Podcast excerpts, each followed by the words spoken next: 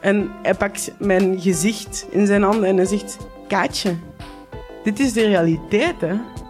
Hey, ik ben Pieter van Relaas. In Relaas hoor je waar gebeurde verhalen en die worden live voor een publiek verteld door de mensen die ze zelf hebben meegemaakt. En blijkbaar, ze weten niet hoe dat, dat komt, maar sommige mensen ontdooien beter dan andere mensen. Luister naar Relaas. Je vindt ons terug op alle plaatsen waar je podcast kan beluisteren. De kip zal geen lawaai meer maken.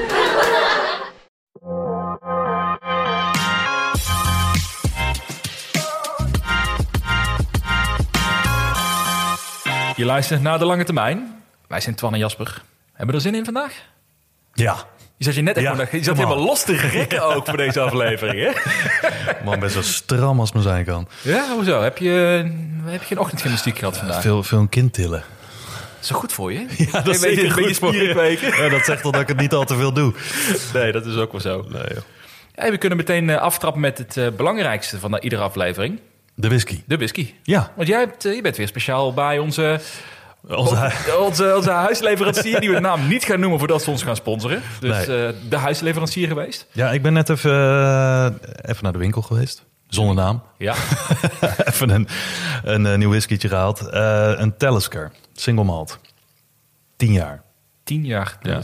En ik zei net tegen jou, Ja. ik weet niet waarom die opviel. Maar dat is omdat er volgens mij iemand op Twitter ons volgt. En ik af en toe eh, wel eens eh, tweets van hem zie. Die heet ook Talisker. En die heeft het ook vaak over whisky.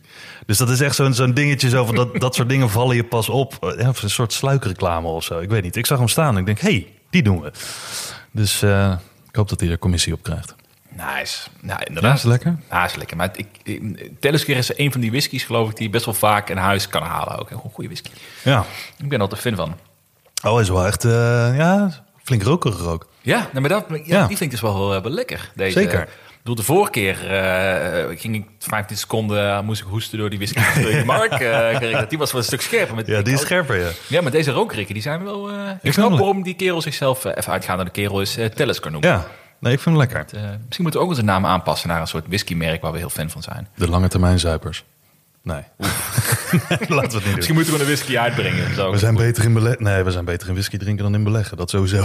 Nou, nou ja, als ik weer naar jouw portfolio kijk, daar gaan we het zo meteen weer over hebben natuurlijk. Ah, wel nee, joh. Maar eh, dat, gaat, eh, dat gaat goed. Ja. Maar ja, zoals je al zei, we zijn natuurlijk een bepaalde dingen zijn we heel slecht. En daarom hebben we altijd deze iedere week. De De disclaimer. disclaimer. Heb je nu eh, nagedacht over iets nieuws? We moeten er eens. Oké, voordat we starten met de disclaimer. Ik vind dat we af moeten van de term doe je eigen onderzoek. Echt waar? Ja. Doe iemand anders onderzoek. Nee, nee, daar moet u iets anders voor verzinnen. Ik word zo, zijn, dat heeft ook zo'n negatieve contonatie nu gekregen. Met doe je eigen onderzoek, je let niet op, weet je dat. Met Ja, alle aspecten. En het slaat ook niet meer aan, heb ik het gevoel. Nee, dat is waar. Bedoel, we zeggen het omdat het, eh, omdat het zou moeten. Maar we menen denk ik ook wel dat mensen zich niet van ons dingen moeten aannemen. Wat we zeggen. Ja.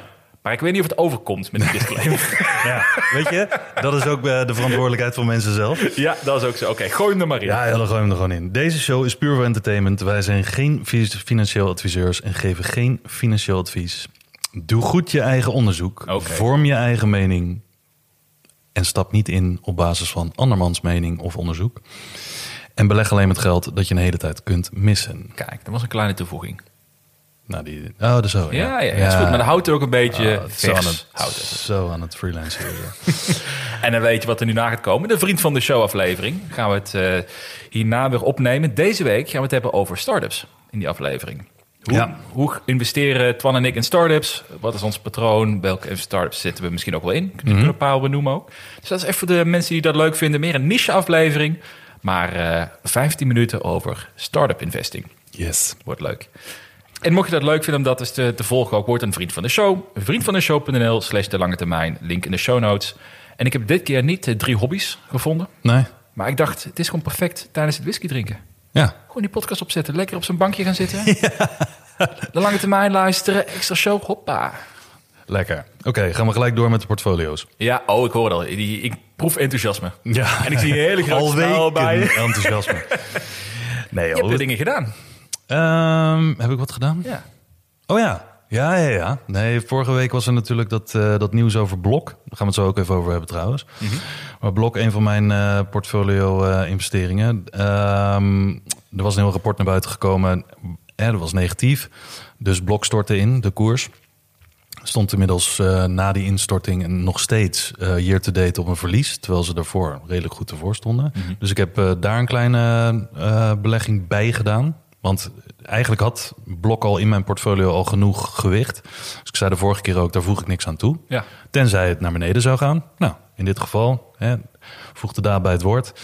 Daar heb ik een, eh, een kleine toevoeging aan gedaan. En ik heb Coinbase eh, eh, nog wat extra bijgekocht. Ja, er zijn wel twee aandelen die nu natuurlijk onder een vergrootglas Ja. liggen en lagen. Ja, en dat zijn van die dingen. Ik bedoel, het kan allemaal waar zijn. Het kan allemaal gedeeltelijk waar zijn. Of onwaar zijn. Whatever. Iedereen doet natuurlijk zijn eigen ding. Maar ik vind dit soort negatief senti- sentiment ineens op basis van dat soort nieuwsgebeurtenissen. Hè, SEC die ook een, eh, een Wells notice had gestuurd naar Coinbase. Ja, kan allemaal waar zijn. Maar in de afgelopen jaren zijn dit soort dingen al zo vaak gebeurd. En meer dan niet is het goed gekomen. Ja. Dus ja, en eh, iemand vroeg ook aan mij van, eh, hè, waarom doe je dat dan? Waarom investeer je erin? Omdat het, hè, terwijl het zo onzeker is. En toen zei ik, ja, weet je, ik ben daar helemaal niet onzeker over. Want ook omdat mijn eh, gewicht in het portfolio voor dat soort aandelen, specifiek individuele aandelen, zo klein is. Ja, ik zou het allemaal kwijtraken. En dan zou ik 2,5 tot 3 procent van mijn, hè, van mijn rendement kwijt zijn als dat helemaal naar nul zou gaan. Dus ik lig daar niet wakker van.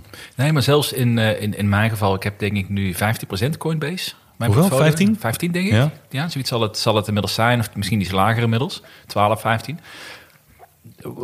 Ook ik maak me daar helemaal geen zorgen over. Want we hebben, we hebben vaak in deze aflevering, als we het over Coinbase hebben, hebben we het over gehad hoe zij juist aansturen op regulering. Dat Ja. zij bewust in Amerika zitten omdat zij aan de wetgeving willen voldoen. Ten opzichte van al die andere. Binance, Kraken, nou wij zijn Ja. mensen op het over hebben.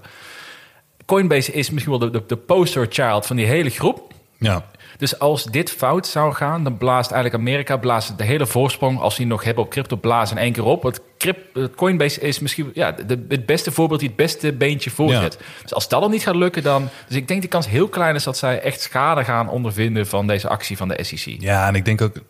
Ik denk dat je in die zin, bedoel, hè, dat is ook afgaande op het nieuws wat, wat ik zie, maar ik weet het ook niet allemaal. Maar als je ziet dat precies om de reden dat Coinbase en in andere sectoren heb je ook weer poster childs en de best of class, weet je, dat, dat zijn allemaal visitekaartjes voor een bepaalde industrie. Dus zo'n eh, regulator, zoals in dit geval de SEC, ja, die geeft dan wel aan. Hey ho, ho, zelfs de posterchild van deze sector Ja. ontkomt niet aan onze controle, scrutiny, whatever.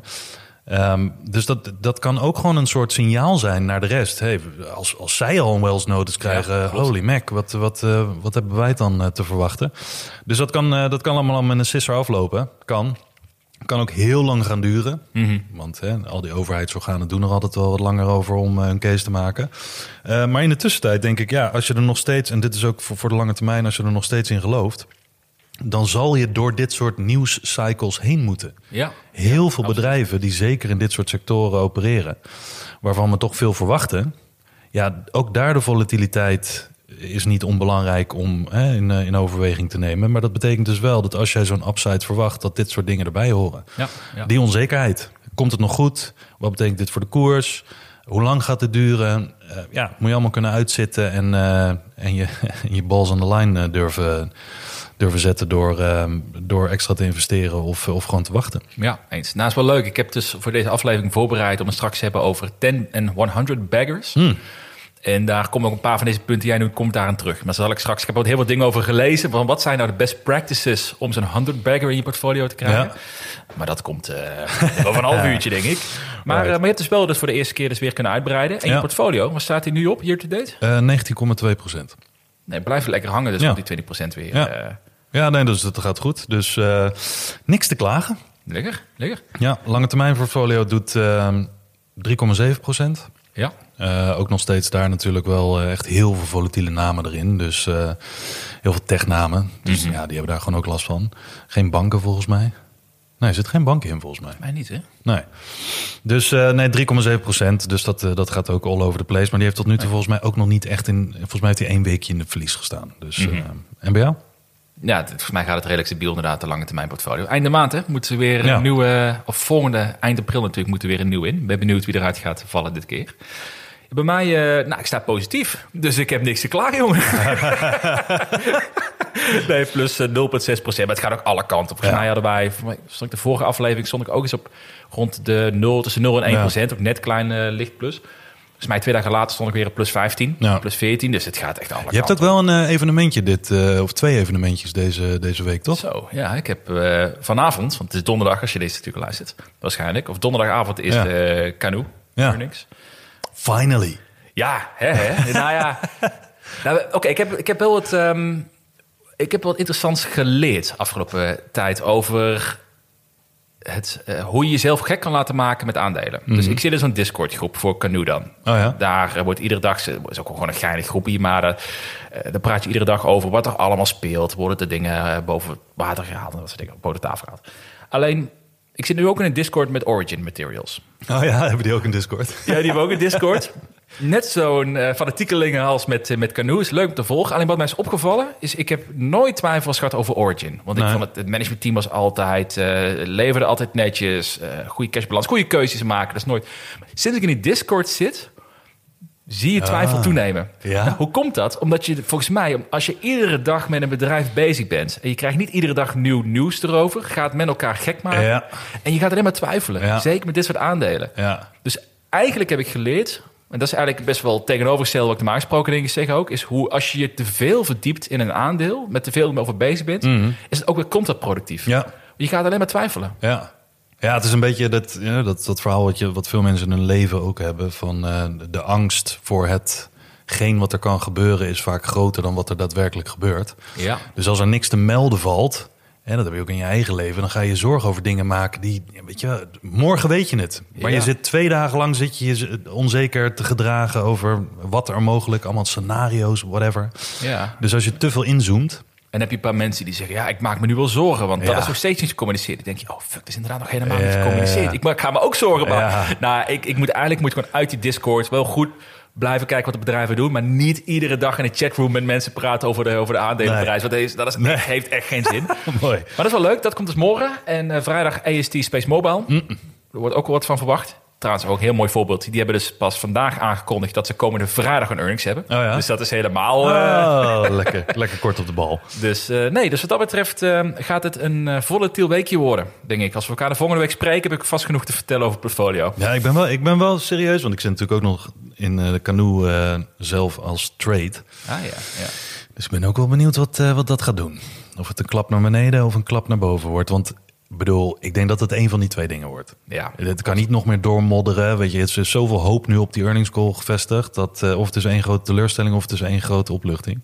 Nou ja, en de koers moet omhoog, want ze hebben dat nodig om geld te kunnen op te Ja. kunnen halen. Want ze hebben nog geen, nog steeds geen andere vorm om geld te verkrijgen, kapitaal te krijgen. Dus het is, eh, of ze hebben het opgespaard, goed nieuws, en ze komen er morgen mee. Of het is, ze gaan weer pivoteren voor de dertigste keer rij. En dan denken mensen, joh, laat maar zitten. Dus eh, we gaan het meemaken, joh. Ja, joh. Het, en iets anders, daar kwam ik tegen via jouw Twitter, wat ik ook een hele leuke vond. Substack.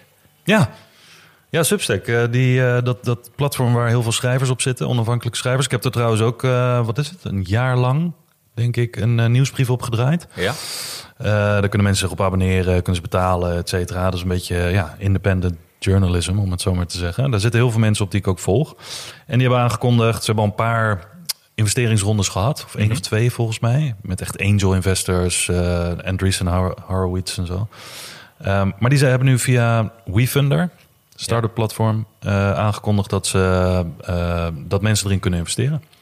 Dus ik ben heel benieuwd, want de cijfers qua groei en dergelijke bij hun zien er echt heel goed uit. Het explodeert echt. Het zijn natuurlijk altijd mensen die wat kritiek hebben van... oh, ze nemen veel te veel geld hè, van, eh, van de creators. Maar volgens mij krijgt elk creator nog steeds meer dan 80% van, eh, van de revenue. Dus, eh, maar ze zijn nu reservering aan het doen. Om te peilen wat de interesse is. Maar ik zag gisteren al, toen ik het bericht zag... Was twee uur nadat ze het geplaatst hadden op Twitter... En toen ging ik naar WeFunder en toen stond er bijna uitverkocht. Ja, Dus inderdaad. er stond er al iets van 3 miljoen gereserveerd of zo. En ik weet niet, volgens mij is de cap voor al dat soort dingen in, in de wet vastgelegd dat dat maximaal voor de eerste peiling 5 miljoen is. Klopt, ja, met ja. extended 15 miljoen. Eh, maar dan moeten ze, ze moeten überhaupt nog met de SEC gaan overleggen hoe ze dit gaan doen. Dus ze zijn nu eh, interesse aan het peilen. Maar dat soort dingen vind ik dus wel interessant. Mhm. Want ik heb het heel graag gebruikt. Ik zie heel veel mensen die ik volg, hele slimme mensen. Hè, daar haal ik ook heel veel van mijn informatie vandaan. Dus dan denk ik, nou, als je daarin kan investeren, Ja. Ehm, ja, Ja, een heel leuk platform. Ja. Ik denk dat we straks in de Vriend van de Show aflevering over hebben. Ja. Dat zijn we wel want voorbehouden. Ik zag 650 miljoen waardering Ja. was het. Dus dat is eh, voor iets wat volgens mij 30 miljoen omzet doet. is Nog steeds, heel, heel nog fort. steeds een gekke huis met die waarderingen. Ja, man. Ja, maar, maar het is wel, dat zijn wel leuke kansjes, buitenkantjes Ja. voor je aanbreiding, of uitbreiding op het portfolio, eh, Zeker. denk ik. Dus eh daar gaan we straks meer over hebben Mhm. in de Vriend van de Show aflevering. Want de Substack is een heel mooi voorbeeld over start-up investing. Waar let je op en dat soort zaken. Zeker. We gaan eh, starten met eh, de actualiteit. Ja, Dat is natuurlijk jouw ding. ja. Jij bent Mr. Actual. Ja, nou ja, de, allereerst wilde ik nog even zeggen, want er was ook een vraag van mensen over die blok, eh, eh, dat blokreport wat eruit was gekomen van Hindenburg. Dat kennen mensen misschien nog wel van eh, Adani, die helemaal de grond in was geboord, dat Indiaanse bedrijf. Wirecard toch ook? Wirecard ook volgens Ja, mij. Ja, eh, volgens mij zijn het zes analisten bij dat bedrijfje wat, eh, wat, wat werkzaam zijn. En eh, ze hebben in dit geval met Blok hebben ze een rapport naar buiten gebracht, wat echt, nou ja, heel incriminating is, om het zo maar te zeggen. Heel veel laster. Ehm, het, het, is een, het is een waanzinnig groot rapport. Maar 50% is echt een beetje alsof je naar goede tijden, slechte tijden zit te kijken. Een beetje rondstrooien qua geruchten en daar ver- verbanden mee leggen. Rappers die het over een cash-app-account hebben gehad. Ja, ja zo, er was, ook, was ook een criminele groep genaamd de Cash App Group Ja. of zoiets. En dat, En dat weer- hebben ze dan ook in dat rapport gezet. En dan later Ja. ziet het er een soort semi uit alsof ze dat gaan linken aan dat, dat blok fraude pleegt. Dat vind ik een beetje een zwakke Mhm. inhoud van, om je case op te bouwen. Ik had dat eruit gelaten. Maar goed, Ja. het verzorgt heel veel sentiment. Ehm, negatief sentiment. Dus vervolgens kelderde de koers 20% eh voor beurs. En heel veel mensen die attendeerden me erop omdat ze weten dat ik in blok zit. En die zeiden, joh, wat ga je doen? Ga je verkopen? Nou ja, toen wist ik nog niet wat ik deed. Heb ik het rapport gelezen. Toen kreeg ik er op, eerste, op het eerste idee kreeg ik een beetje het gevoel van... oké, dit, dit kan deels waar zijn... maar het hoeft niet 100% nadelig te zijn. Dus genoeg eh, zekerheid in dit geval om niet te verkopen... en om een klein beetje bij te kopen. Ehm, zeker voor de korte termijn. Ik heb ook in mijn tradingportfolio wat, wat aangekocht. Maar één ding waar ik echt heel veel moeite met dit soort rapporten bij heb, is dat als het puur een rapport was, waar, en ze zeggen ook dat ze er twee jaar aan hebben gewerkt, als het puur een rapport was, eh, wat heel eerlijk over dit soort dingen en objectief naar dit soort dingen kijkt, dan had ik gedacht, hm, even iets serieuzer nemen. Maar ze hebben ook een short positie ingenomen Ja. voordat ze zo'n rapport naar buiten brengen. Ja, en daar heb ik altijd een beetje hele grote vraagtekens bij. Want ik denk dat ze flink gecast hebben. Ja, absoluut. Ze, En hebben- ze- ze publiceren met een agenda daardoor meteen. En ze hebben inmiddels een naam. Kijk, als het een onbetekenend iets was, eh analistenbureauotje, dan had niemand dat serieus genomen. Maar ze hebben inmiddels zo'n gewicht, omdat hè, met dat Adani en Wirecard, of eh, hè, ze hebben nog een paar andere dingen naar buiten gebracht, hebben ze een redelijke naam opgebouwd. Ja. Dus dat kwam ineens groot in het nieuws. Ook op Twitter ging iedereen het delen. En iedereen zijn mening natuurlijk erop loslaten. Dat, dat voegde weer toe aan heel veel geruchten en aan heel veel negatief sentiment. Ja, en toen dacht ik, nou, lekker als je dan een short eh, positie hebt. Dan heb je dus mooi gecashed. Of het nou helemaal waar is of niet. Je hebt in ieder geval gecashed. Eigenlijk is het bizar dat dat zomaar kan ook. Ja. Hè? Dat, Ja. dat je een, eh, een positie in kan nemen, een, een grote short report uitbrengt.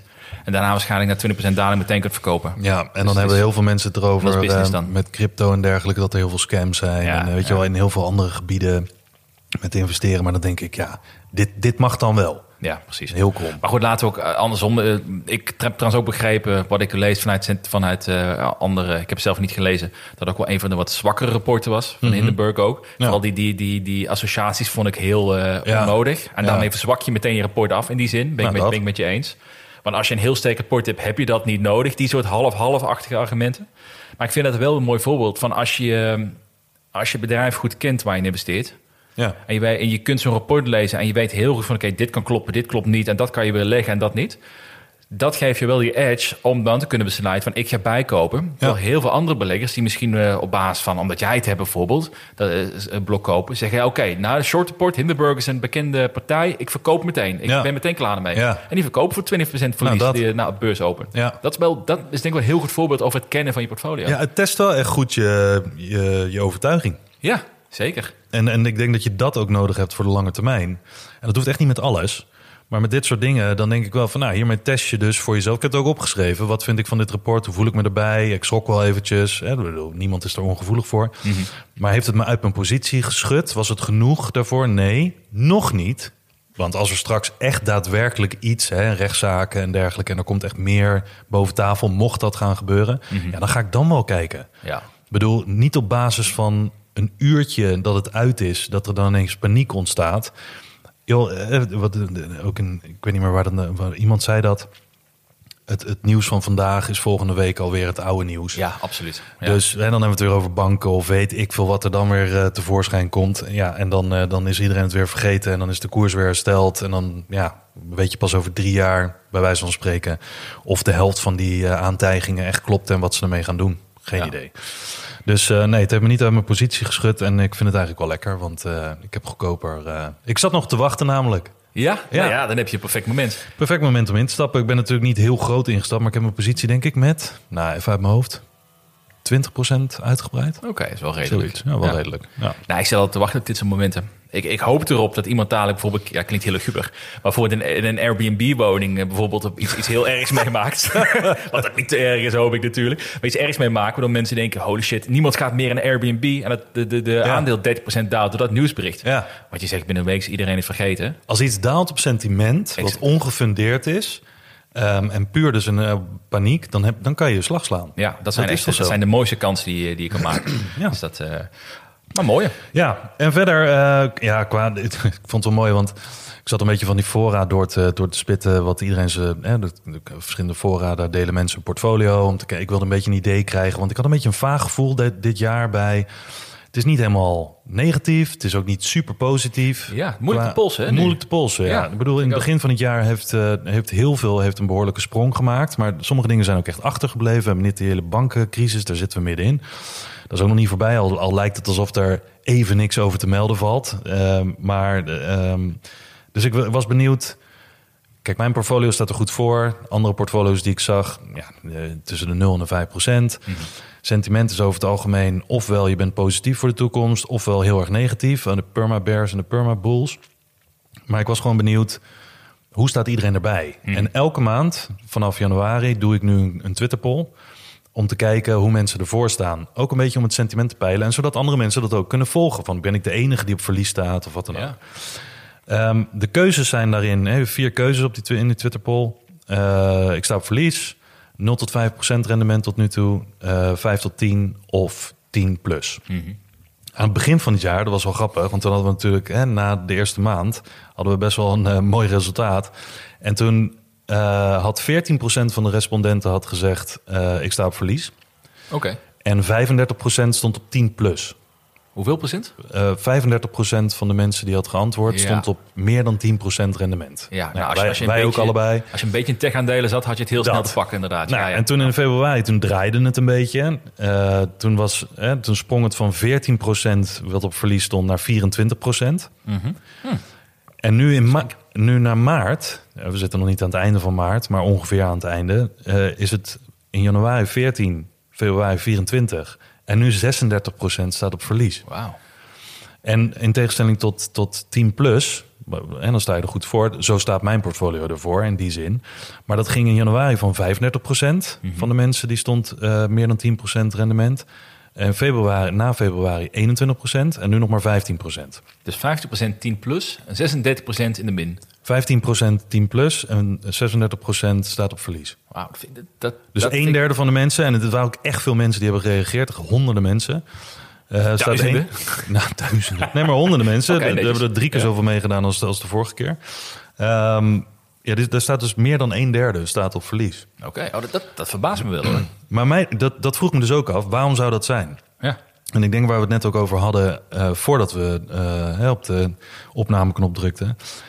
Heel veel mensen beleggen in wereld-ETF's.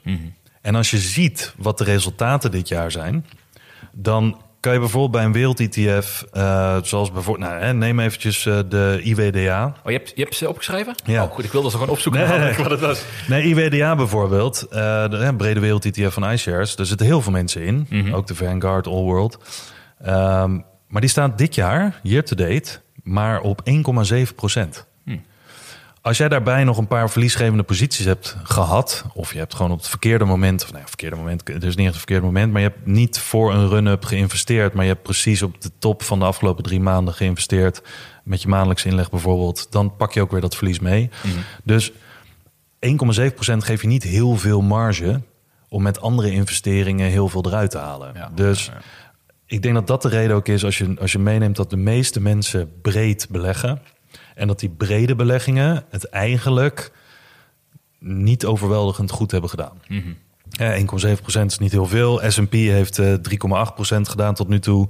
Eh AX 5 tot 6%. Ehm, en als je kijkt naar juist de, ja, hoe zeg je dat? De tech-aandelen en dergelijke. En je kijkt ook naar crypto. Bijvoorbeeld de me- twee meest veilige dingen in crypto. eh, Ethereum plus 50%, Bitcoin plus 70% year to date. Coinbase bijna 90%, Tesla 75% en zelfs Apple, hè, een beetje de saaie van eh, de hele tech-wereld, 26%. Oké. Dus had je heel je portfolio in, in Apple eh, gehad, ja, stond je op 26%. Dan hoorde je dus bij die mensen die plus 10% hadden. Tech is dood, man. Tech is dood.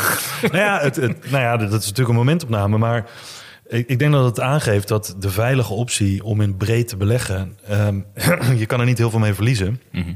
Maar in dit geval sta je er dan ook niet bijster goed voor. Nee. Denk ik. Ja, ik denk wel als 35% van de mensen negatief staan na dit jaar, terwijl nog in ieder geval de ETF's nog eh, overwegend positief zijn, dan eh, zie je toch dat er waarschijnlijk een paar keuzes gemaakt zijn met aandelen die gewoon fors onderperformen. Ja, en weet je, er zijn heel veel mensen, dividendbeleggers bijvoorbeeld. Want ik heb er heel Ja. veel gezien. Die zitten heel veel in verzekeraars en in banken. Oh ja. Heel veel ETF's die dividend eh, uitbetalen. Dus high dividend ETF's. Ik geloof dat 20 tot 30 procent, of 20 tot 40 procent zelfs, van zo'n ETF zit in financials. Ja, klopt. Ja, die, hebben, die hebben niet echt het thema mee. Dus die kunnen goedkoper kopen. Hè, meer uit hun eh, bele- dividendbeleggingen halen in die zin voor de toekomst. Maar dat betekent wel dat je eventjes een, een klap op, kin- op de kin moet eh, incasseren nu. Ja, klopt. De Dus- vraag is natuurlijk ook of, of het heel erg is om met drie maanden negatief te staan. Ik denk dat dat ook al meevalt. Ik denk, Maar dat, is- ik denk dat wij weten dat een jaar op negatief staan niet eens heel Eh, erg Ik is. weet niet waar je het over hebt. Maar, maar eh, nee, nee, klopt. Maar ik vind het wel interessant die, die trend te zien ook. Van. We begonnen het jaar fantastisch. Ik had namelijk hetzelfde gevoel als, eh, als jij ook van... Wat is nu eigenlijk het sentiment op de beurs? Ja. Ik, ik, ik, ik heb ook op dit moment totaal geen gevoel of het bullish of bearish is of Nee. wat dan ook. Het lijkt alsof er, of iedereen het afwacht is tot er iets Ja. groots gaat gebeuren. Tot of banken groot gaan omvallen, of de Fed iets gaat doen, of wat dan ook. Maar Ja. het lijkt, we zitten een soort limbo, lijkt het. Een beetje in de wachtkamer. Echt in Ja. de wachtkamer. Een paar aandelen die er echt bovenuit stijgen. Een paar die ook heel erg achterblijven. Maar niks... Ja, ik vind het heel moeilijk een gevoel bij te krijgen. we, we missen ons eh, dopamine Ja. shotje. Ja, nou ja, misschien wel. Nou ja, als je een Coinbase zit, dan heb je iedere dag wel... maar ik het inderdaad, ik snap wat je bedoelt. Ik heb nu ook trouwens voor de eerste keer sinds... Nou, ik denk al sinds maanden dat ik ehm, eh, best wel wat, wat cash beschikbaar heb nu. Want hè, bonusuitkering is weer Mhm. geweest. Normaal gesproken heb ik heel snel, kan ik die allokeren. Weet ik precies waar ik wil investeren. Maar ik heb nu ook heel... Ik vind het nu heel moeilijk om nu te besluiten waarin ik moet willen investeren. Enerzijds door de prijs van aandelen. Ja. Niet echt de super kansen zie of, of het al een positie, volle positie in heb. Maar ook omdat ik de markt niet goed kan peilen op Nee. dit moment. Nee. jij, dat, ja, jij legt natuurlijk iedere maand leg jij heel netjes in. Maar ik vind Ja. het nu heel moeilijk voor iemand die te zaakjes wil timen... om te weten waar we niet in zitten. Nou ja, en dat is dus de reden waarom de enige keer dat ik heb bijgelegd... eh, hè, van dat soort overtrokken reacties... tenminste naar mijn mening overtrokken bij Coinbase en, eh, en Block. Dat zijn geen nieuwe posities, die had ik al. Maar die hebben in één keer zo'n klap naar beneden gemaakt... op basis van nieuwsberichten, hè, zo'n rapport en eh, een SEC-warning. Ja.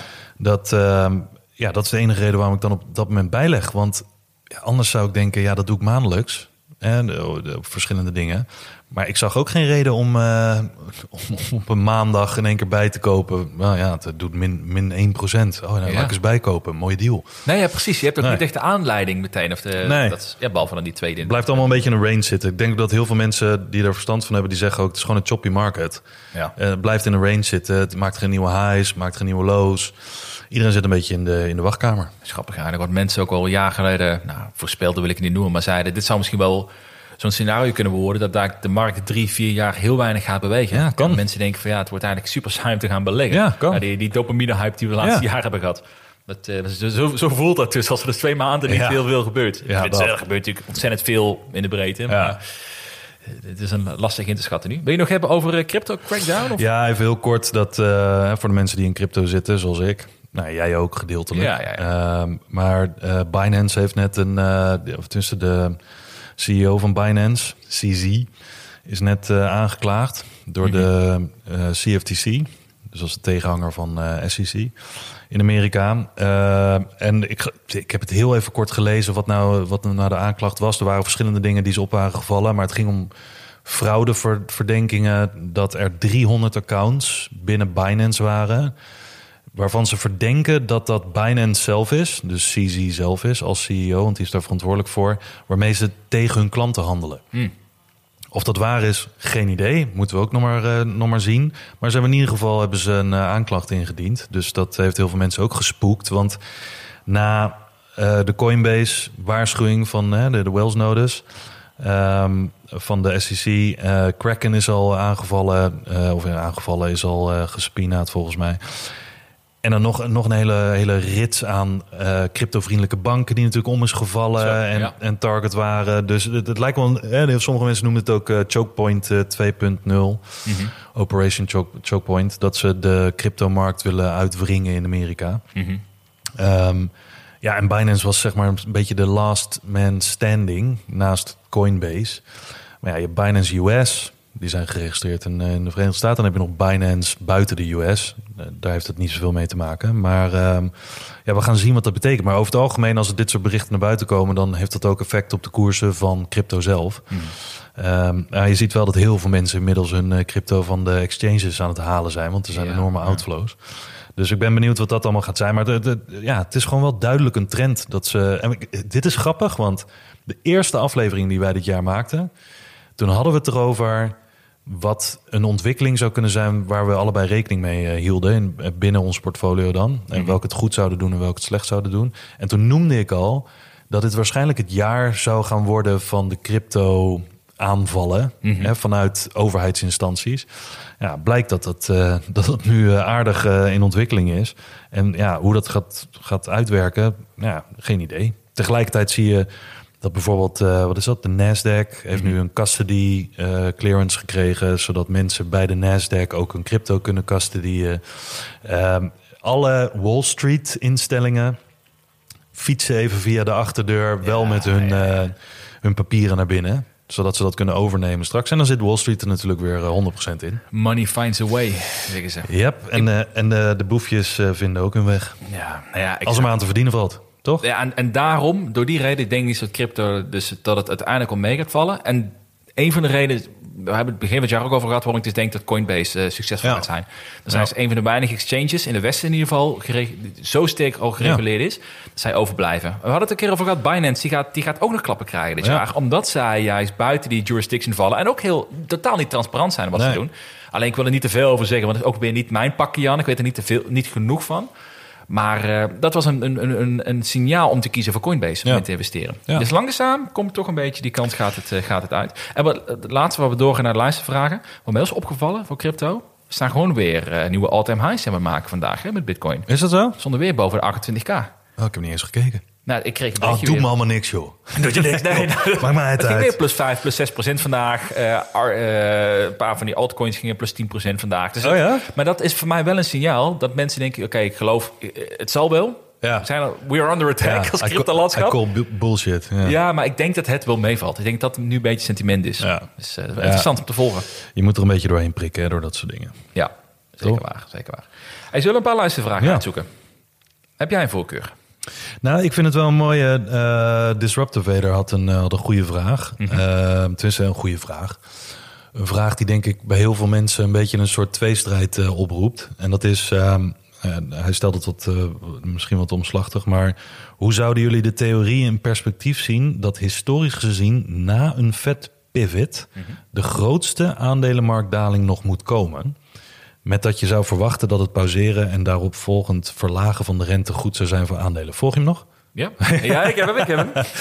Maar goed, waar we het natuurlijk vaker over gehad hebben, eh, wij hebben het ook gezegd, is dat als je in het kamp zit van oké, een vet pivot, wat betekent dat ze de rente weer gaan verlagen, zou goed zijn voor de aandelenmarkt, want er wordt lenen weer goedkoper, bedrijven hebben weer wat meer lucht, ehm, rentes gaan naar beneden, et cetera.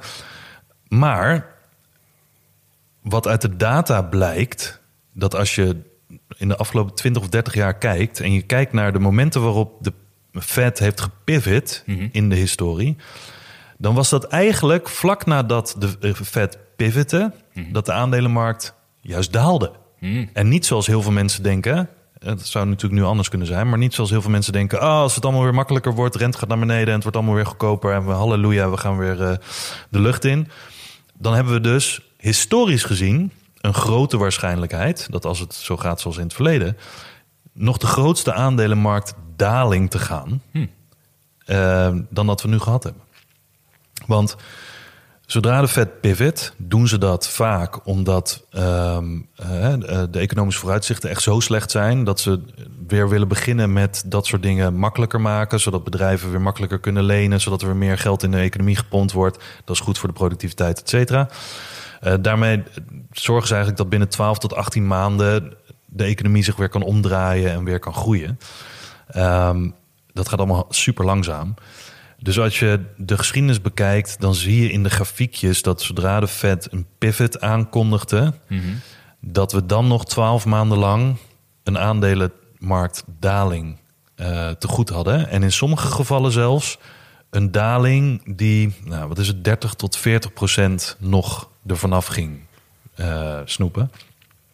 Dus dan is de vraag: oké, als iedereen dan zit te hopen op een pivot en die komt, dan moet iedereen er ook oké mee zijn dat er een grote waarschijnlijkheid is dat we de ergste daling in de aandelenmarkt nog moeten krijgen. Ja, nou, ik vind, eh, ja, het is een hele interessante. Ik denk sowieso geschiedenis, die herhaalt zich nooit, maar het rijmt wel. Dus het is heel interessant te kijken naar data van het verleden. Ja, Ik, maar dan zou je bijna kunnen zeggen dat je eh, between a rock and a hard place zit. Want Ja. als de rentes verhoogd blijven worden, gaat het ook niet veel beter worden Ja, met de beurs. Klopt. Als we gaan pivoteren, dan eh, op basis van deze data gaan we ook dalen. Ja. Dus eigenlijk zeg je links of rechtsom, we're screwed.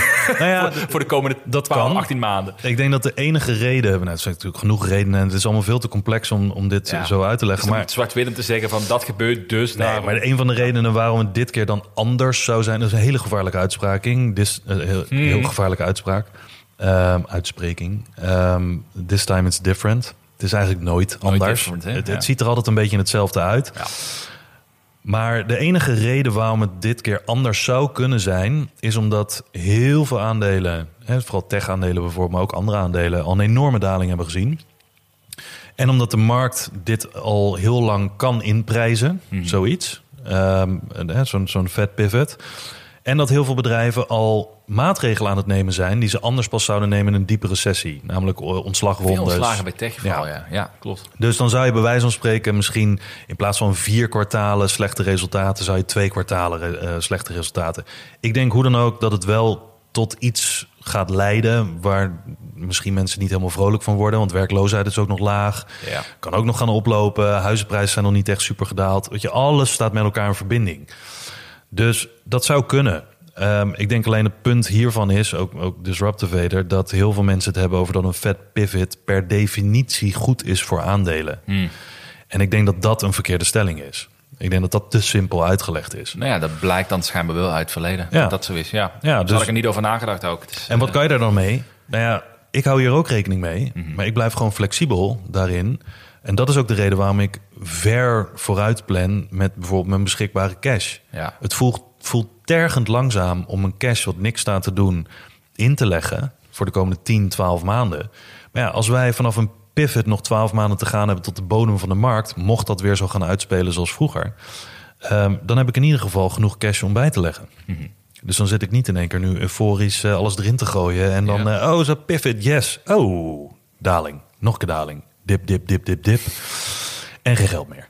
Nou ja, exact. exact. Dat. Maar ik vind het wel interessant om juist op die manier wel naar, met een open blik ernaar te blijven kijken. Want ik, ik had in mijn beleving... Ik ben het wachten de Fed eindelijk gaat, eh, gaat pauzeren of gaat dalen. Ja. Jij hebt gelijk, hè? Want het is alsnog 25 punten omhoog Ja. gegaan natuurlijk vorige keer. Ik had verwacht dat zouden pauzeren of zouden dalen al. Eh, maar ik ben het wachten tot die daling komt. Want dan kunnen groeiaandelen weer gaan ontploffen. Met een enorme vertraging waarschijnlijk. Ja, maar misschien gaat het. Maar dit is, ik vind dit soort dingen heel interessant. Want ik geloof daar dus in dat je kijkt naar data van het verleden. Van oké, nou dan gaat het misschien toch nog een jaar duren of anderhalf jaar. Voordat je echt de impact daarvan kan gaan merken op de koers in ieder geval. Het is Ja. goed voor bedrijven die wat, wat minder eh, kosten maken bij het geld lenen. Maar we gaan het als beleggers nog niet merken. En dat vind Nee. ik wel interessant om dat hier naar te kijken. Nee, precies. Dus eh, Ik denk niet dat impact maken op onze strategie de komende tijd. Maar nee, eh, dat niet. Maar het is wel goed om je niet blind te staren op één uitkomst. Want het leven gaat niet over eenzijdige uitkomsten. Hè, dat, het is allemaal veel te complex. Dus ja, En laten we er sowieso van uitgaan dat we niemand kan voorspellen. niemand kan Dus voorspellen. dat, eh, maar het is, het is een hele interessante dynamiek om dat te beseffen. En mensen, die, en mensen die claimen dat ze. Mensen die woorden gebruiken zoals dit gaat zeker. Of dit is 100%. Ja. Ja. daar zou ik van wegrennen. Want er is niks 100%. Dat zijn meestal wel de accounts die dan vervolgens terugkomen. Zie je wel. Maar als het niet zo uitpakt zoals zij zeggen. Hè, zeker dat het gaat gebeuren zoals in het verleden. eh, berg je maar met al je boels en dit en dat. Die komen dan later terug van, hè, zie je wel, ik heb gelijk. Als ze geen gelijk hebben, hoor je ze niet. Ja. Dus bedoel, daar heb je ook niks aan. Ik heb een keer tegen, eh, tegen Pim van, van Jong Beleggen, dat kan een keer kennismaking ook. Dan zei ik tegen hem ook van ja, wat de, de makkelijkste manier om nu cloud te krijgen, om aandacht te krijgen wat je zegt, is heel, zoals uh, Cathy Wood, gewoon hele exorbitante uitspraken doen over iets. Bijvoorbeeld als ik nu tegen jou Ja. zou zeggen, eh, desktop metals binnen 10 jaar is dat eh 200 dollar per aandeel. Dat gaat eh, maar 100. Geen, geen twijfel over maar 100 zekerheid. Ja. Nou, ik gar- garandeer dat mensen dat zal gewoon opvallen. Die zullen me gaan volgen om te zien hoe dat gaat. Ja. En dan doe ik nog eens een uitspraak en nog een uitspraak. Nou, binnen een jaar hebben we 20.000 volgers die allemaal denken van, die komt wel. En dan ga ik tussendoor lekker verwijderen wat niet klopt. Als daar Ja. een testament of het gaat Dat. over een jaar, verwijderen. Ja, Ja, en je hebt het eruit de, en komen we weer terug op doe je eigen onderzoek. Want Nee, het dit is gewoon waar. Ja, ja, nou ja, exact. Ik bedoel, eh, de- hè, de- de- geloof niet alles wat je hoort. Maar eh, ik heb mezelf altijd aangeleerd, heel, in heel kort, garanties bestaan niet. De enige garantie die je hebt is dat je het niet weet en dat niemand het weet. Hm. Maar je kan alleen maar rekenen in waarschijnlijkheden. Ja, ja. Dus als de waarschijnlijkheid groot is, omdat in het verleden er heel vaak zoiets is voorgekomen, ja, dan is de waarschijnlijkheid groot. Maar het is niet 100%. Ik acht het eh, 100% waarschijnlijk. Het testament al 200 dollar. Dat is hetzelfde als al die bitcoiners die zeggen dat het binnen 90 dagen naar een miljoen gaat. Ja, het kan. En als, als dat zo is, ik bedoel, niks is uitgesloten, maar dat kan. Dus als het zo is, dan, eh, dan hebben zij er 3 miljoen volgers bij. Ja, nou ja, precies. En anders verwijderen ze gewoon. Ja, kan ook, kan ook. daarom. Eh, Ik stel voor dat we doorgaan naar het derde deel. Dat we Yep. een beetje uit de tijd lopen. Maar eh, ik wil het hebben over iets waar ik de laatste komende weken mee bezig ga zijn. Dat is altijd leuk. Eén keer het half jaar doe ik een portfolio check. Mhm. En dan ga ik, wat ik dan doe, is zo ieder, eh, ieder aandeel in mijn portfolio. Er zijn er gelukkig maar zes, dus daar ben ik best wel snel weer klaar meestal. Dagje. Ja, een, da- een dagje ben je er weer klaar. Eh, volledig analyseren weer vanaf beginpunt. Oké, wat gaan ze nou doen? Gaat het nog goed? Zijn mijn redenen nog overeind om te investeren? Ja of nee? En toen ik daarmee bezig was, ben nu voorzichtig mee begonnen. Ik heb drie weken vrij. Is echt heel chill. Dus dat is perfecte moment. ervoor. Sowieso lekker. En eh, ik ging nadenken, dus we mijn strategie onder de loep nemen. En weet je wat? Ik werd gewoon weer enthousiast van de, de keuze om te kiezen voor innovatie. Ja? Ja, ja, ik heb de laatste week natuurlijk af en toe wel ge- gehad over ja, lastig. Hè? De, de rente stijgt, Ja. dus moet niet meer gaan voor cashflow-achtige en veilige posities. Nee, nee, Nee. Ik blijf voor lekker in innovatie Ja. zitten. Ja. En ehm, nou ja, de, de reden blijft, om, waar ik al jaren in geloof, is dat heel veel weinig mensen die, die beseffen hoeveel impact innovatie kan maken, hoe snel het gaat. Ik bedoel, je, hebt, je hebt nu veel gelezen over AI bijvoorbeeld, Mhm. Ja. maar ook andere innovaties. Ik vroeg vorige week bij vrienden en eh, collega's allemaal van, wat doe jij al iets met AI? Of heb je al eens gehoord van 3D-printing of autonoom rijden? Nee, vertel eens. Ja, ja de meeste mensen hebben geen idee. Nee, ik, denk, ik denk als je dat gaat polsen in directe omgeving, thema's die voor ons, als wij over beleggen Ja, en informatie ja. heel gangbaar zijn, heel standaard zijn. We zijn al twee jaar bezig met, au- met autonoom rijden en EV's en wat dan ook. 90% van de mensen heeft geen idee. Of ze denken, ja, ik geloof er niet in. Ik zie toch nog geen eh autonoom rijden. Ik zie toch geen zelfrijdende Ja, auto. ja. Wat doet AI dan? Ja, ze kunnen chatbots. Hartstikke leuk. Ja, dat. Oh, ik had vanmorgen ook een gesprek, heel even Ja. kort. Ja, ja. Eh, de, eh, bij mij in de coworking space waar ik zit. Eh, voor drie van de vier mensen waar ik gesprek mee had, die zeiden, eh, die, die interpreteerden zeg maar ChatGPT als een soort search engine. Maar dan kan je vragen aanstellen van, eh, hey, hoe kan ik het beste dit of dat doen? En toen ging ik wat voorbeelden opnoemen van die ik gelezen had de afgelopen weken van mensen die echt veel slimmer zijn dan ik en die er ook helemaal middenin zitten. En ik noemde al die voorbeelden. Nou, echt een mond viel open.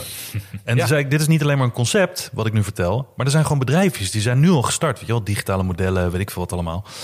En eh, Levi's die dan nu in één keer met digitale modellen gaat werken. En hé, wat serieus, zijn grote merken er ook al mee bezig? Ja, gaat super rap. Nou, echt, ho- hun hoofd explodeerde. Eigenlijk Ja. wat ik twee weken geleden had. Ja, ja, ja.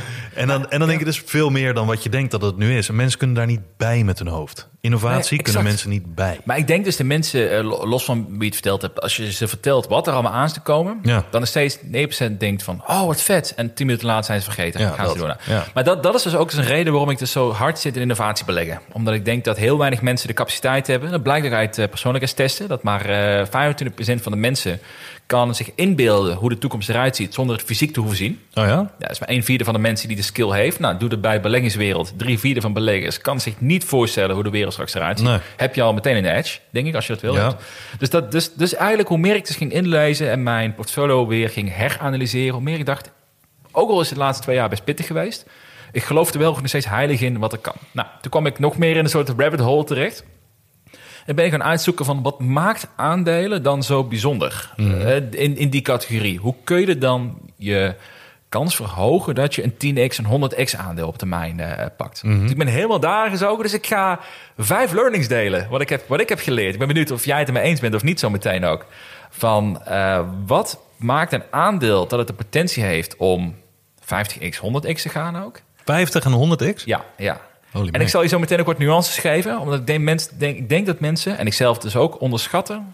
eh bepaalde aspecten onderschatten. Oké. Dus eh, het eerste, eerste takeaway. En dat is meteen een hele leuke. En die ga ik meteen bij jou eh, voorleggen ook. Ehm, eerst is geduld. Denk jij? Ja. Tuurlijk, geduld moet je altijd hebben. Ja. We zijn de lange termijn podcast, waar heb je het over? Hoe lang denk jij dat het eh, Monster Energy duurde, de best presterende aandeel van de laatste 20 jaar, hebben we het een paar keer over gehad, of een keer Mhm. over gehad, duurde om 100x waard te worden? 15 jaar. Nou, ik kom in de buurt. Het duurde 10 jaar. Dat was het best Ja? presterende aandeel. Weet je wat gemiddeld kost voor een aandeel om 100x te gaan? 25 jaar. Goed zo, bijna. 26 jaar. Ja, oké. 26 jaar kost dit om, Ja? om een 100x te krijgen. En mijn beleving, natuurlijk in mijn, mijn millennial mindset, dat alles nu, nu, nu Ja, moet bijna. ja. Denk ik, oh, binnen nu en vijf jaar kan ik echt wel 100x Ja. krijgen op een aandeel. Ge- gebeurt gewoon, kun je vergeten, het bestaat niet. Nee. Monster Energy was de snelste met, oh, wat ik in ieder geval heb kunnen terugvinden, met 10 jaar. Maar dat zeggen ze toch ook vaak van die hockeystick curve. Ja, exact. En dat is een beetje, als mensen dat zeg maar letterlijk visueel voor zich zien, dan nog zullen ze er misschien een tijd van vijf jaar aan Ja. plakken. Maar dat is bizar, dat er gewoon, er gebeurt 90% van de tijd niks, of weinig. Ja. En in 10% van de tijd boekt het 90% van het resultaat. Exact. Ja. Ja. exact. En denk inderdaad die hockeystick.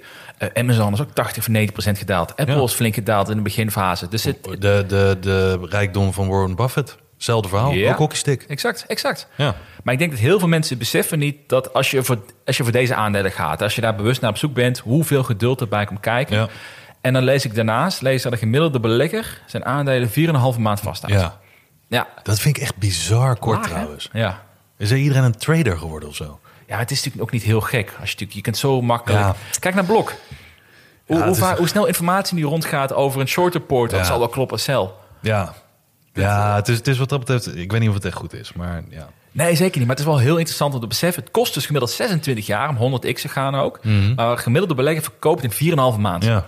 Dus al die mensen, en ik besef ik me ook heel goed, die zeggen van... Ja, als ik een goed aandeel kies nu, dat heeft potentie om 100x te gaan. De kans is steeds groter jij in 4,5 maand, 5 maanden verkoopt. Ja. Dus nooit die kans geeft. Dus geduld, super belangrijk. En ik las een goede tip erover. Die vond ik wel goed na- namelijk. Van, ehm, die zei, je moet je, doe je due diligence altijd. eh, Logisch, voordat je een aandeel koopt, Ja. dan zit je nog niet emotioneel verbonden. Als je de keuze gemaakt hebt van dit is een aandeel met potentie, daar wil ik in zitten. Koop je hem, tien jaar, tien jaar gewoon wegleggen. Ja. Je mag niet verkopen. Ja. Wat, wat een nuance aan zit. Ja. Je mag niet verkopen, maar je moet het de tijd geven om het, te laten, het werk te laten doen. Ja. Maar je wil er een opmerking over maken. Denk ik. Nou, een van de dingen die ik heb geleerd, en dat is ook echt wel, ik, ik, ik worstel daar nog steeds mee. Iemand heeft ooit tegen mij gezegd: het succes boek je niet door veel geld ergens op in te leggen en daar een groot succes mee te hebben, maar juist door net genoeg geld in te leggen. Dus best wel een kleine positie, Ja. waar we het vorige keer ook over hadden. Als iets in één keer maal 10 gaat, hè, dus stel als je terugkijkt en iets is maal 100 gegaan, is het ook een keer maal 10 gegaan. Ja, ja. Verkoopt iemand maal 10? Vaak wel. Maar dat komt waarschijnlijk als je heel zenuwachtig bent... en waar je het net ook over had met die fora... en je gaat er veel te diep inzoomen... dan wil je het bij maal 2, maal 4, maal 10 al verkopen. Ehm, maar die zei tegen mij, dan heb je een te grote positie. Dan heb je een te grote positie. En wat is een te grote positie? Legde hij heel simpel uit. Versus de rest van je leven. Dus als jij 100.000 euro in totaal hebt... en je hebt een positie die 10.000 is... en die gaat maal 10... dan heb je in één keer je, hè, je vermogen verdubbeld. Ja. Dat voelt zo impactvol dat je bang bent om het kwijt te raken. Dus kan je beter, zei hij, om de hele rit vol te houden, maar 1000 euro geïnvesteerd hebben. Dat lijkt heel counterintuitive. Want ja, met 10.000 euro heb je nou eenmaal met een 10-bagger op weg naar een 100-bagger... heb je meer potentie om levensveranderend bedrag te, te, te, te verdienen. Maar ja, dat ga je niet volhouden. Nee. Maar als iets super klein is, al is het maar 100 euro... en dat gaat maal 100, dan hou je het waarschijnlijk wel vast. Maar 10.000 maal 100 ga je nooit volhouden. En heb je nog steeds een eh, verdubbeling van je portfolio met het ene aandeel. Die Dat, positie. ja. Klopt. Nee, ik denk als je, als je puur zou gaan voor een portfolio waar je echt op die 10x, 100x gaat zitten, dan moet je ook een portfolio hebben wat echt divers is. 40, 50 posities. Ja. Anders, anders maak je het voor jezelf te moeilijk. En, Ja. eh, dus dat, eh, dat is denk ik een hele, een hele goede aanvulling. Ik denk dat inderdaad het vasthouden ook, wanneer durf je, kan je vasthouden, is een hele goede. Mhm. Het tweede, heel praktisch.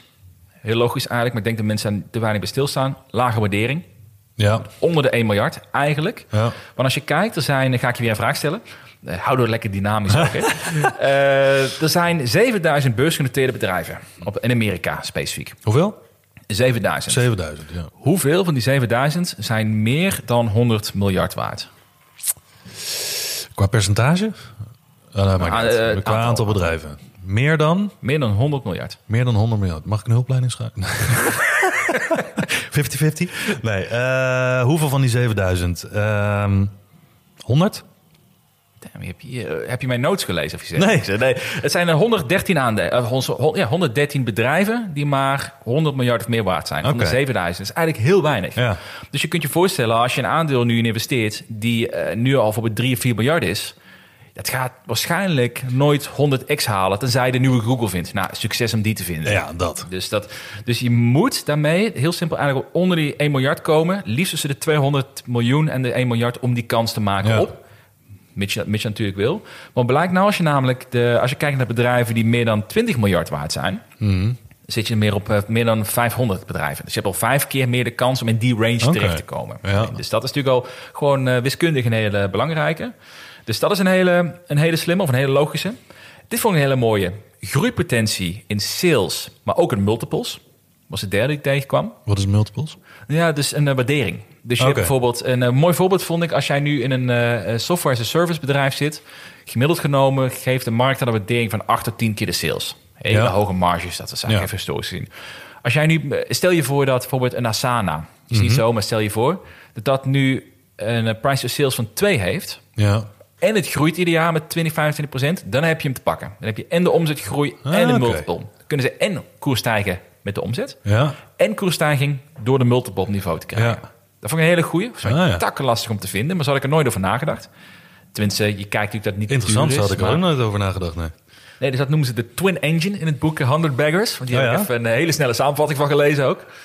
Dus dat eh, vond ik wel een hele interessante. Ja, dan krijg je een soort vergrotingsfactor. Het een vergroot Exact. het ander. Exact, Ja. ja. ja, Dus omzetgroei en multiplesgroei moet mogelijk zijn. Dit vond ik, de vierde vond ik heel mooi en heel logisch. Wees bereid tegen de stroom in te gaan. Ja. Eigenlijk heel logisch. Ja. Want als, je Als niet- iedereen het doet. Ja. Exact, zit iedereen erin. Ik vind Tesla en Amazon nu een hele logische. Die zijn eh, relatief dure aandelen. Maar iedereen gelooft erin dat dat de toekomst gaat zijn. Nou, Ja. dat zie je terug in alle waarderingen die ze, die ze hebben.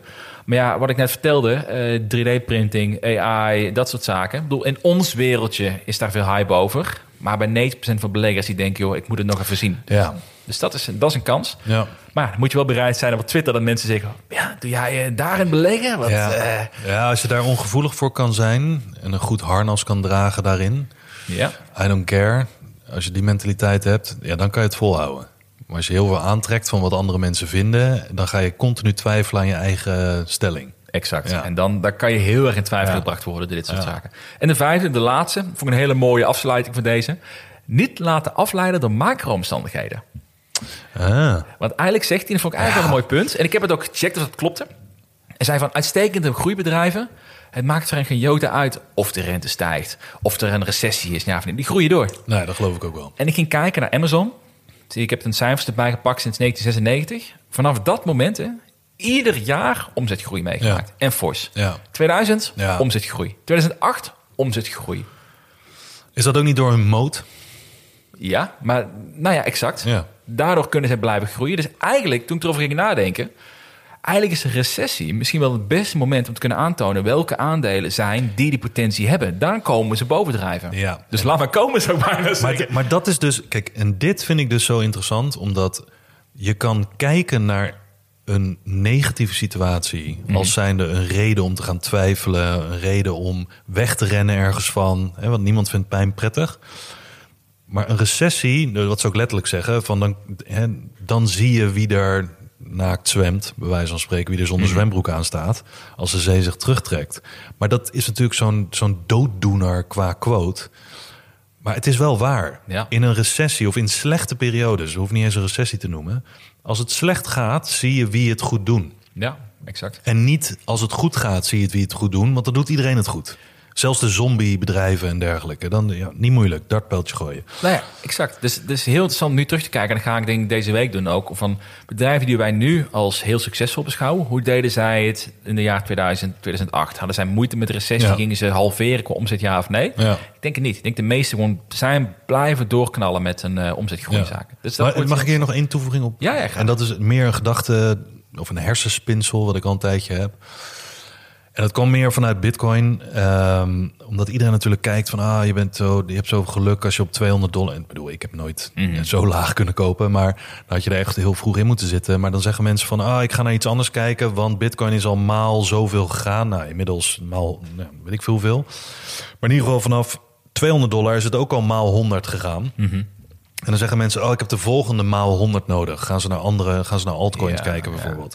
Maar er zijn ook mensen die zeggen, waarom zou Bitcoin vanaf hier niet nogmaals maal 100 kunnen gaan? Waarom zou Apple niet nogmaals maal 100 kunnen gaan? Ik bedoel, Dat is gewoon een hersenspinsel. Hè? Ik heb hier niet cijfers naast gelegd en dergelijke.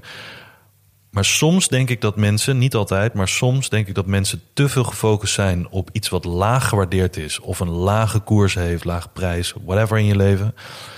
En dan hang je er een pot- potentiële 100 keer aan. Of 10 keer, wat dan ook je doel is. En dan negeer je de bedrijven die al groot zijn. Maar die kunnen net zo goed 10 keer doen. Of 100 keer doen. Hè, misschien moeilijker qua market Ja, cap ja. en dergelijke.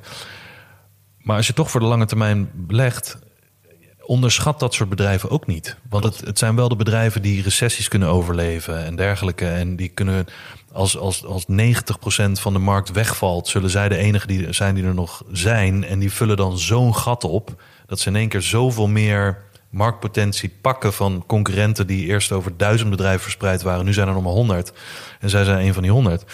Ja, ik, ik sluit dat soort dingen ook niet uit. Terwijl heel veel mensen die ik ook spreek, die zeggen... ja, Apple, waarom zou ik in Apple gaan zitten? Eh, Bitcoin, waarom zou ik in Bitcoin gaan zitten? Die hebben hun groei al gehad. Ja, ja. Kan, maar ik, ja, ik weet het niet zeker. Of dat soort dingen echt alleen maar weggelegd zijn... voor bedrijven die nog niet hun 20 miljard waardering hebben gehad... of een 1 miljard waardering of wat dan ook. Nee, ik, ik, ik snap waar je, waar je heen wil. Kijk, het zou de new frontier zijn als Apple nog een keer maar 100 gaat natuurlijk. Eh, maar goed, eh, we hadden 20 jaar geleden ook niet verwacht dat bedrijven deze waarderingen zouden krijgen. Nee, dus dat bedoel weet, 100 keer misschien enthousiast, maar het zou best 10 keer kunnen 20 jaar. Ja, dus, dus waar- op een waarom- veiligere manier, bij Ja. wijze van spreken, dan dat je 100 bedrijven in 100 bedrijven moet investeren die onder een miljard Ja. hè, kapitalisatie zitten. Ehm, dan heb je een sure, redelijk sure thing. Dus nooit een garantie natuurlijk, maar een hoge waarschijnlijkheid dat je 10 keer gaat halen. Ja. Versus dat je het moet verspreiden over heel veel bedrijfjes met een mogelijk succesratio van 1%. En met een 10x doe je nog steeds fantastisch over 20 Ja, jaar tijd. Dus wat dat betreft. Maar dat is inderdaad de laatste nuance die ik wilde maken. En dan wil ik nog even, wil nog even afsluiten met, want ik moet een paar aandelen Ja. noemen. Anders worden mensen gek als ik niet noem wat ik dan bedoel. Ja. Dus, eh nee, maar die, die kunnen wel 10x. Nee, maar de, ehm, die nuance moet ik maken. Je neemt wel... Kijk, als je op zoek gaat naar de 100x... alles wat, wat een, een hoge potentiële return heeft... heeft ook een hoog risico. In veel gevallen is dat Ja. gewoon aan elkaar gekoppeld. Dus... eh, en dit is ook niet zaligmakend, want zoals jij net ook al beschreef, in de meeste gevallen verkoop je naar 5x of naar 10x. Eh, zelfs Forrest Gump verkocht hem, eh, verkocht Apple, einde van de, van, de, van de show. Dus. Maar, ehm, en daarnaast heb je ook nog eens een keer, daar zou ik over na te denken, om echt 100x te kunnen gaan, moet je een dominante speler worden in een nieuwe industrie. Want anders zul je zien dat de meeste worden overgenomen. Ja. Ik denk bijvoorbeeld in, in, eh, elektrische voertuigenbedrijven. Er zijn zoveel automotive bedrijven die heel graag iets willen met elektrisch. Ik denk dat de kans groter is dat Canoe bijvoorbeeld, of het Fisker, of een, of een van die in die categorie, of een, na Lucie misschien net is te groot, dat die overgenomen gaan worden door een andere partij, dan dat zij zelfstandig 100x Ja. gaan maken. Want ze worden na, als ze, als ze het goed gaan doen, worden ze gewoon overgenomen Ja. door een Apple, door een Google, Ja, whatever. Dus die gaan nooit 100x zelfstandig bereiken, denk ik, in die categorie. Nou, welke markten moet je dan wel zijn? Dat is natuurlijk de, de hamvraag. Hè? Mensen hebben ook Mhm. vooruit spoelen tot dit moment, denk ik. Nee, maar ik, ik denk bijvoorbeeld drie aandelen die in mijn portfolio zitten. Dus wel met wat dat betreft die nuance. Eh, maar die ik denk die markt kunnen domineren... zijn bijvoorbeeld eh, nou, desktop metal. Hè, want 3D-printing groeit enorm hard. Ja. Zijn, zij hebben heel veel IP erin. Dus dat, dat zou kunnen. Die gaan ook niet overgenomen worden door een HP, vermoed ik. Ehm, Origin Materials, vrij nieuwe markt. Plastic maken met duurzame materialen. Nou ja, ook niet iets waar een, een hele snel groeiende markt die ze kunnen gaan domineren de komende Mhm. jaren. Eh AC Space Mobile, die hebben allemaal partnerships met allemaal telecom providers. Die kunnen niet eens overgenomen worden, want er wordt de markt beperkt. Ja. Dus dat zijn drie dingen waar ik, waar ik kansen eh, in zie. En die ook allemaal tussen de 500, tot 1 miljard, 500 miljoen tot 1 miljard waard zijn. Ja. Dus dat, daar kom je redelijk in mijn categorie. Ja. Ik heb ze niet voor niks in mijn portfolio natuurlijk daarin. Dus dat is echt wel natuurlijk een, een belangrijk voorbehoud... dat ik dat met die reden ook uitspreek. En maar ook bedrijven die ik wel leuk vind. IonQ, ooit van gehoord? Nee. Het is een eh, quantum computing bedrijf. Ja. Alleen heel moeilijk natuurlijk om in te kunnen schalen hoe ver ze zijn. Maar ja, als, als heel Ja. groot quantum computing ooit groot wordt... en ze maken een belofte waar... kan dat een bedrijf worden die wel eens gigantisch kan gaan groeien. Ja. 50 x 100 x. Ja.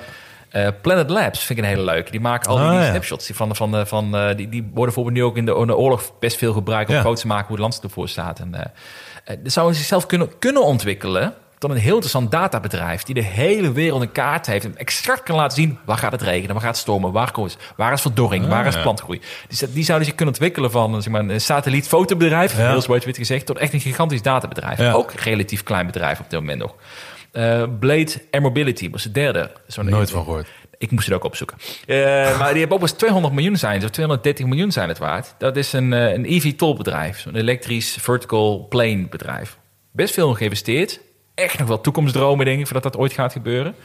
Maar ja, dat is ook zo'n domein wat super hard kan gaan groeien. Allemaal heel veel mensen en maren. Maar ik denk, dit zijn wel een beetje de categorie bedrijven waar je in zou moeten zoeken. Wil je Ja. echt naar die 100x gaan? Maar allemaal wel ook met een 100x risico. Ja. Want ze kunnen ook al over drie jaar niet meer bestaan of overgenomen worden voor een dubbeltje. Dus eh, Maar ik denk, zou je niet zeggen, dat is het laatste misschien, maar zou je niet zeggen dat het juist, ondanks dat heel veel mensen het zien als een nadeel, omdat je geduld moet hebben, en, hè, dat was je eerste punt, dat een hockeystick curve juist een voordeel geeft voor een belegger. hoe bedoel je? Nou, omdat het in, in de eerste 90% totdat ze succes hebben, en dat kan misschien 10, 15 jaar duren. Hè, je zei net 25 jaar voordat iets een eh, 100x kan, eh, kan bereiken. Maar als het heel langzaam groeit, en dan op een gegeven moment na 90% van de tijd op een moment komt waarop ze keihard omhoog gaan, omdat er zo'n omslagpunt komt, dat terwijl het heel langzaam gaat, het ook niet super interessant is voor andere bedrijven, bij wijze van spreken, om snel zo'n bedrijf over te nemen. Ik denk dat het best wel een, een voordeel kan zijn dat iets niet te veel in de spotlight staat. Ehm, omdat als je als investeerder erin zit, je rustig kan wachten op het moment dat zo'n bedrijf vol in de spotlights komt. Maar dan wil je wel hè, zoveel mogelijk tijd gehad hebben om bij wijze van spreken erin te investeren. Eh, dat hun haalbaarheid in ieder geval in die tijd eh, een stuk is eh, opgewaardeerd. En heel veel mensen die ergens instappen, zie ik, die verwachten dan, zoals we net ook zeiden, gelijk een succes. En ook met start-ups van, oh, ik hoop dat die zo snel mogelijk gekocht wordt door iemand, of zo snel mogelijk een IPO Ja. maakt of wat dan ook. Maar juist dat langzame, voor mij is dat interessant, omdat je kan het gewoon parkeren. Je zal niet snel hoogtevrees krijgen. Het gaat niet sky high. Het gaat dan niet volledig de diepte weer in. Het heeft niet een hele volatiele weg. Maar juist een heel erg zo van nou, rustig bouwen, rustig bouwen, rustig bouwen. En dan ineens komt die, dat omslagpunt. De hele sector ontploft, net als nu met AI. Ehm, en dat ze dan hun moment hebben. Ja. Ik denk dat dat voordelig kan zijn. Omdat je dan, ja, dan hoef je maar hoogtevrees te hebben in 10% van de tijd. In plaats van dat je de hele weg hoeft mee te maken als, oh, moet ik het wel vasthouden? Moet ik het verkopen? Ik heb geen idee. Ik denk dat dat wel eens een voordeel kan zijn. Het enige nadeel is, je moet geduld hebben. Ja, nou ja, ben ik met je eens. En je hoeft ook geen grote positie in te nemen. Want als iets een 100 keer gaat, even serieus. Ja, dan zou natuurlijk iedereen achteraf kijkend zeggen... oh, dan zou ik mijn hele vermogen erin gooien. Ja. Zou ik ook met bitcoin doen trouwens, als ik terugkom in de tijd. Hè? Back to the future. Eh, ik zag een andere investering behalve Monster. Nou, misschien Monster. Monster beverages. Maar in ieder geval, ja, door, door klein te investeren hoef je dan ook niet zoveel hoogtevrees te krijgen. Ik zou ja, misschien tien van dat soort bets doen voor 1000 euro per stuk, noem maar iets. Ja. Eh, dan dat je op één of twee van dat soort dingen 10.000 of 100.000 euro over te zetten. Nee, dat, dat, dit, Hou ik langer is- vol. Nou ja, ben ik, Ja. vind ik een heel goed punt. Dus, dus mocht je interesse hebben om juist mee te kijken naar deze outliners, de 100x'en, dan is dat denk ik een hele goede toevoeging daaraan. Of je doet gewoon zoals mij, gewoon 40% desktop metal en we zien wel we uit. Practice what you preach, zeggen ze vaak. toch? Nou, niet helemaal in dit geval. Eh, even de la- laatste afsluitende nuance. Die aandelen wat ik net noemde, heb ik niet genoeg in verdiept. IonQ en eh, Planet Labs en Blade is zeker geen aanbeveling, voor de duidelijkheid. Dus eh, ik moet er ook nog naar kijken. Nee. Voordat eigenlijk mensen denken, ja, maar jij hebt Blade eh, gepromoot. Nee, ik heb helemaal niks, ja? En stok, stoktips doen we eh, dat laten we aan andere mensen over, toch? Ik vind het wel leuk om te geven. Het is wel leuk om te geven en het is leuk om te houden. Ja, voor- voordat ze daar aan mijn deur staan en zeggen... Hey, canoe, dat is failliet, what the fuck. Nee. En we gaan hem afronden. Ehm wij gaan verder met de Vriend van de Show aflevering over startups. Ja. Eh, vind je het een leuke podcast? Laat dan even een waardering achter op Spotify. Als je nog geen score gegeven hebt. Of op Apple eh, Podcast, iTunes. Daar hebben we het vooral nodig. Daar hebben we het nodig. Ja. Leuke reviews hebben we ook nodig. Ja. We hebben een hele leuke review natuurlijk al staan daar ook. Ja, en je kan ook op Spotify nu eh, zeg maar, reageren per aflevering. Ik weet niet of ja. mensen dat weten. Ja, klopt. Eh, je kan onder elke aflevering kan je, kan je een reactie plaatsen, zoals een beetje bij YouTube. Weet je wel, in de comments. Alleen jammer dat niemand het kan zien, alleen wij. Is dat zo? Ja, dat is een beetje zonde. Oh, nee. Maar het is goed dat mensen vast goed Ja. weten dat het er is. Mocht Weet je wat, laat maar. We gaan hem afronden. Eh dankjewel om voor het luisteren. En, eh, Tot volgende week.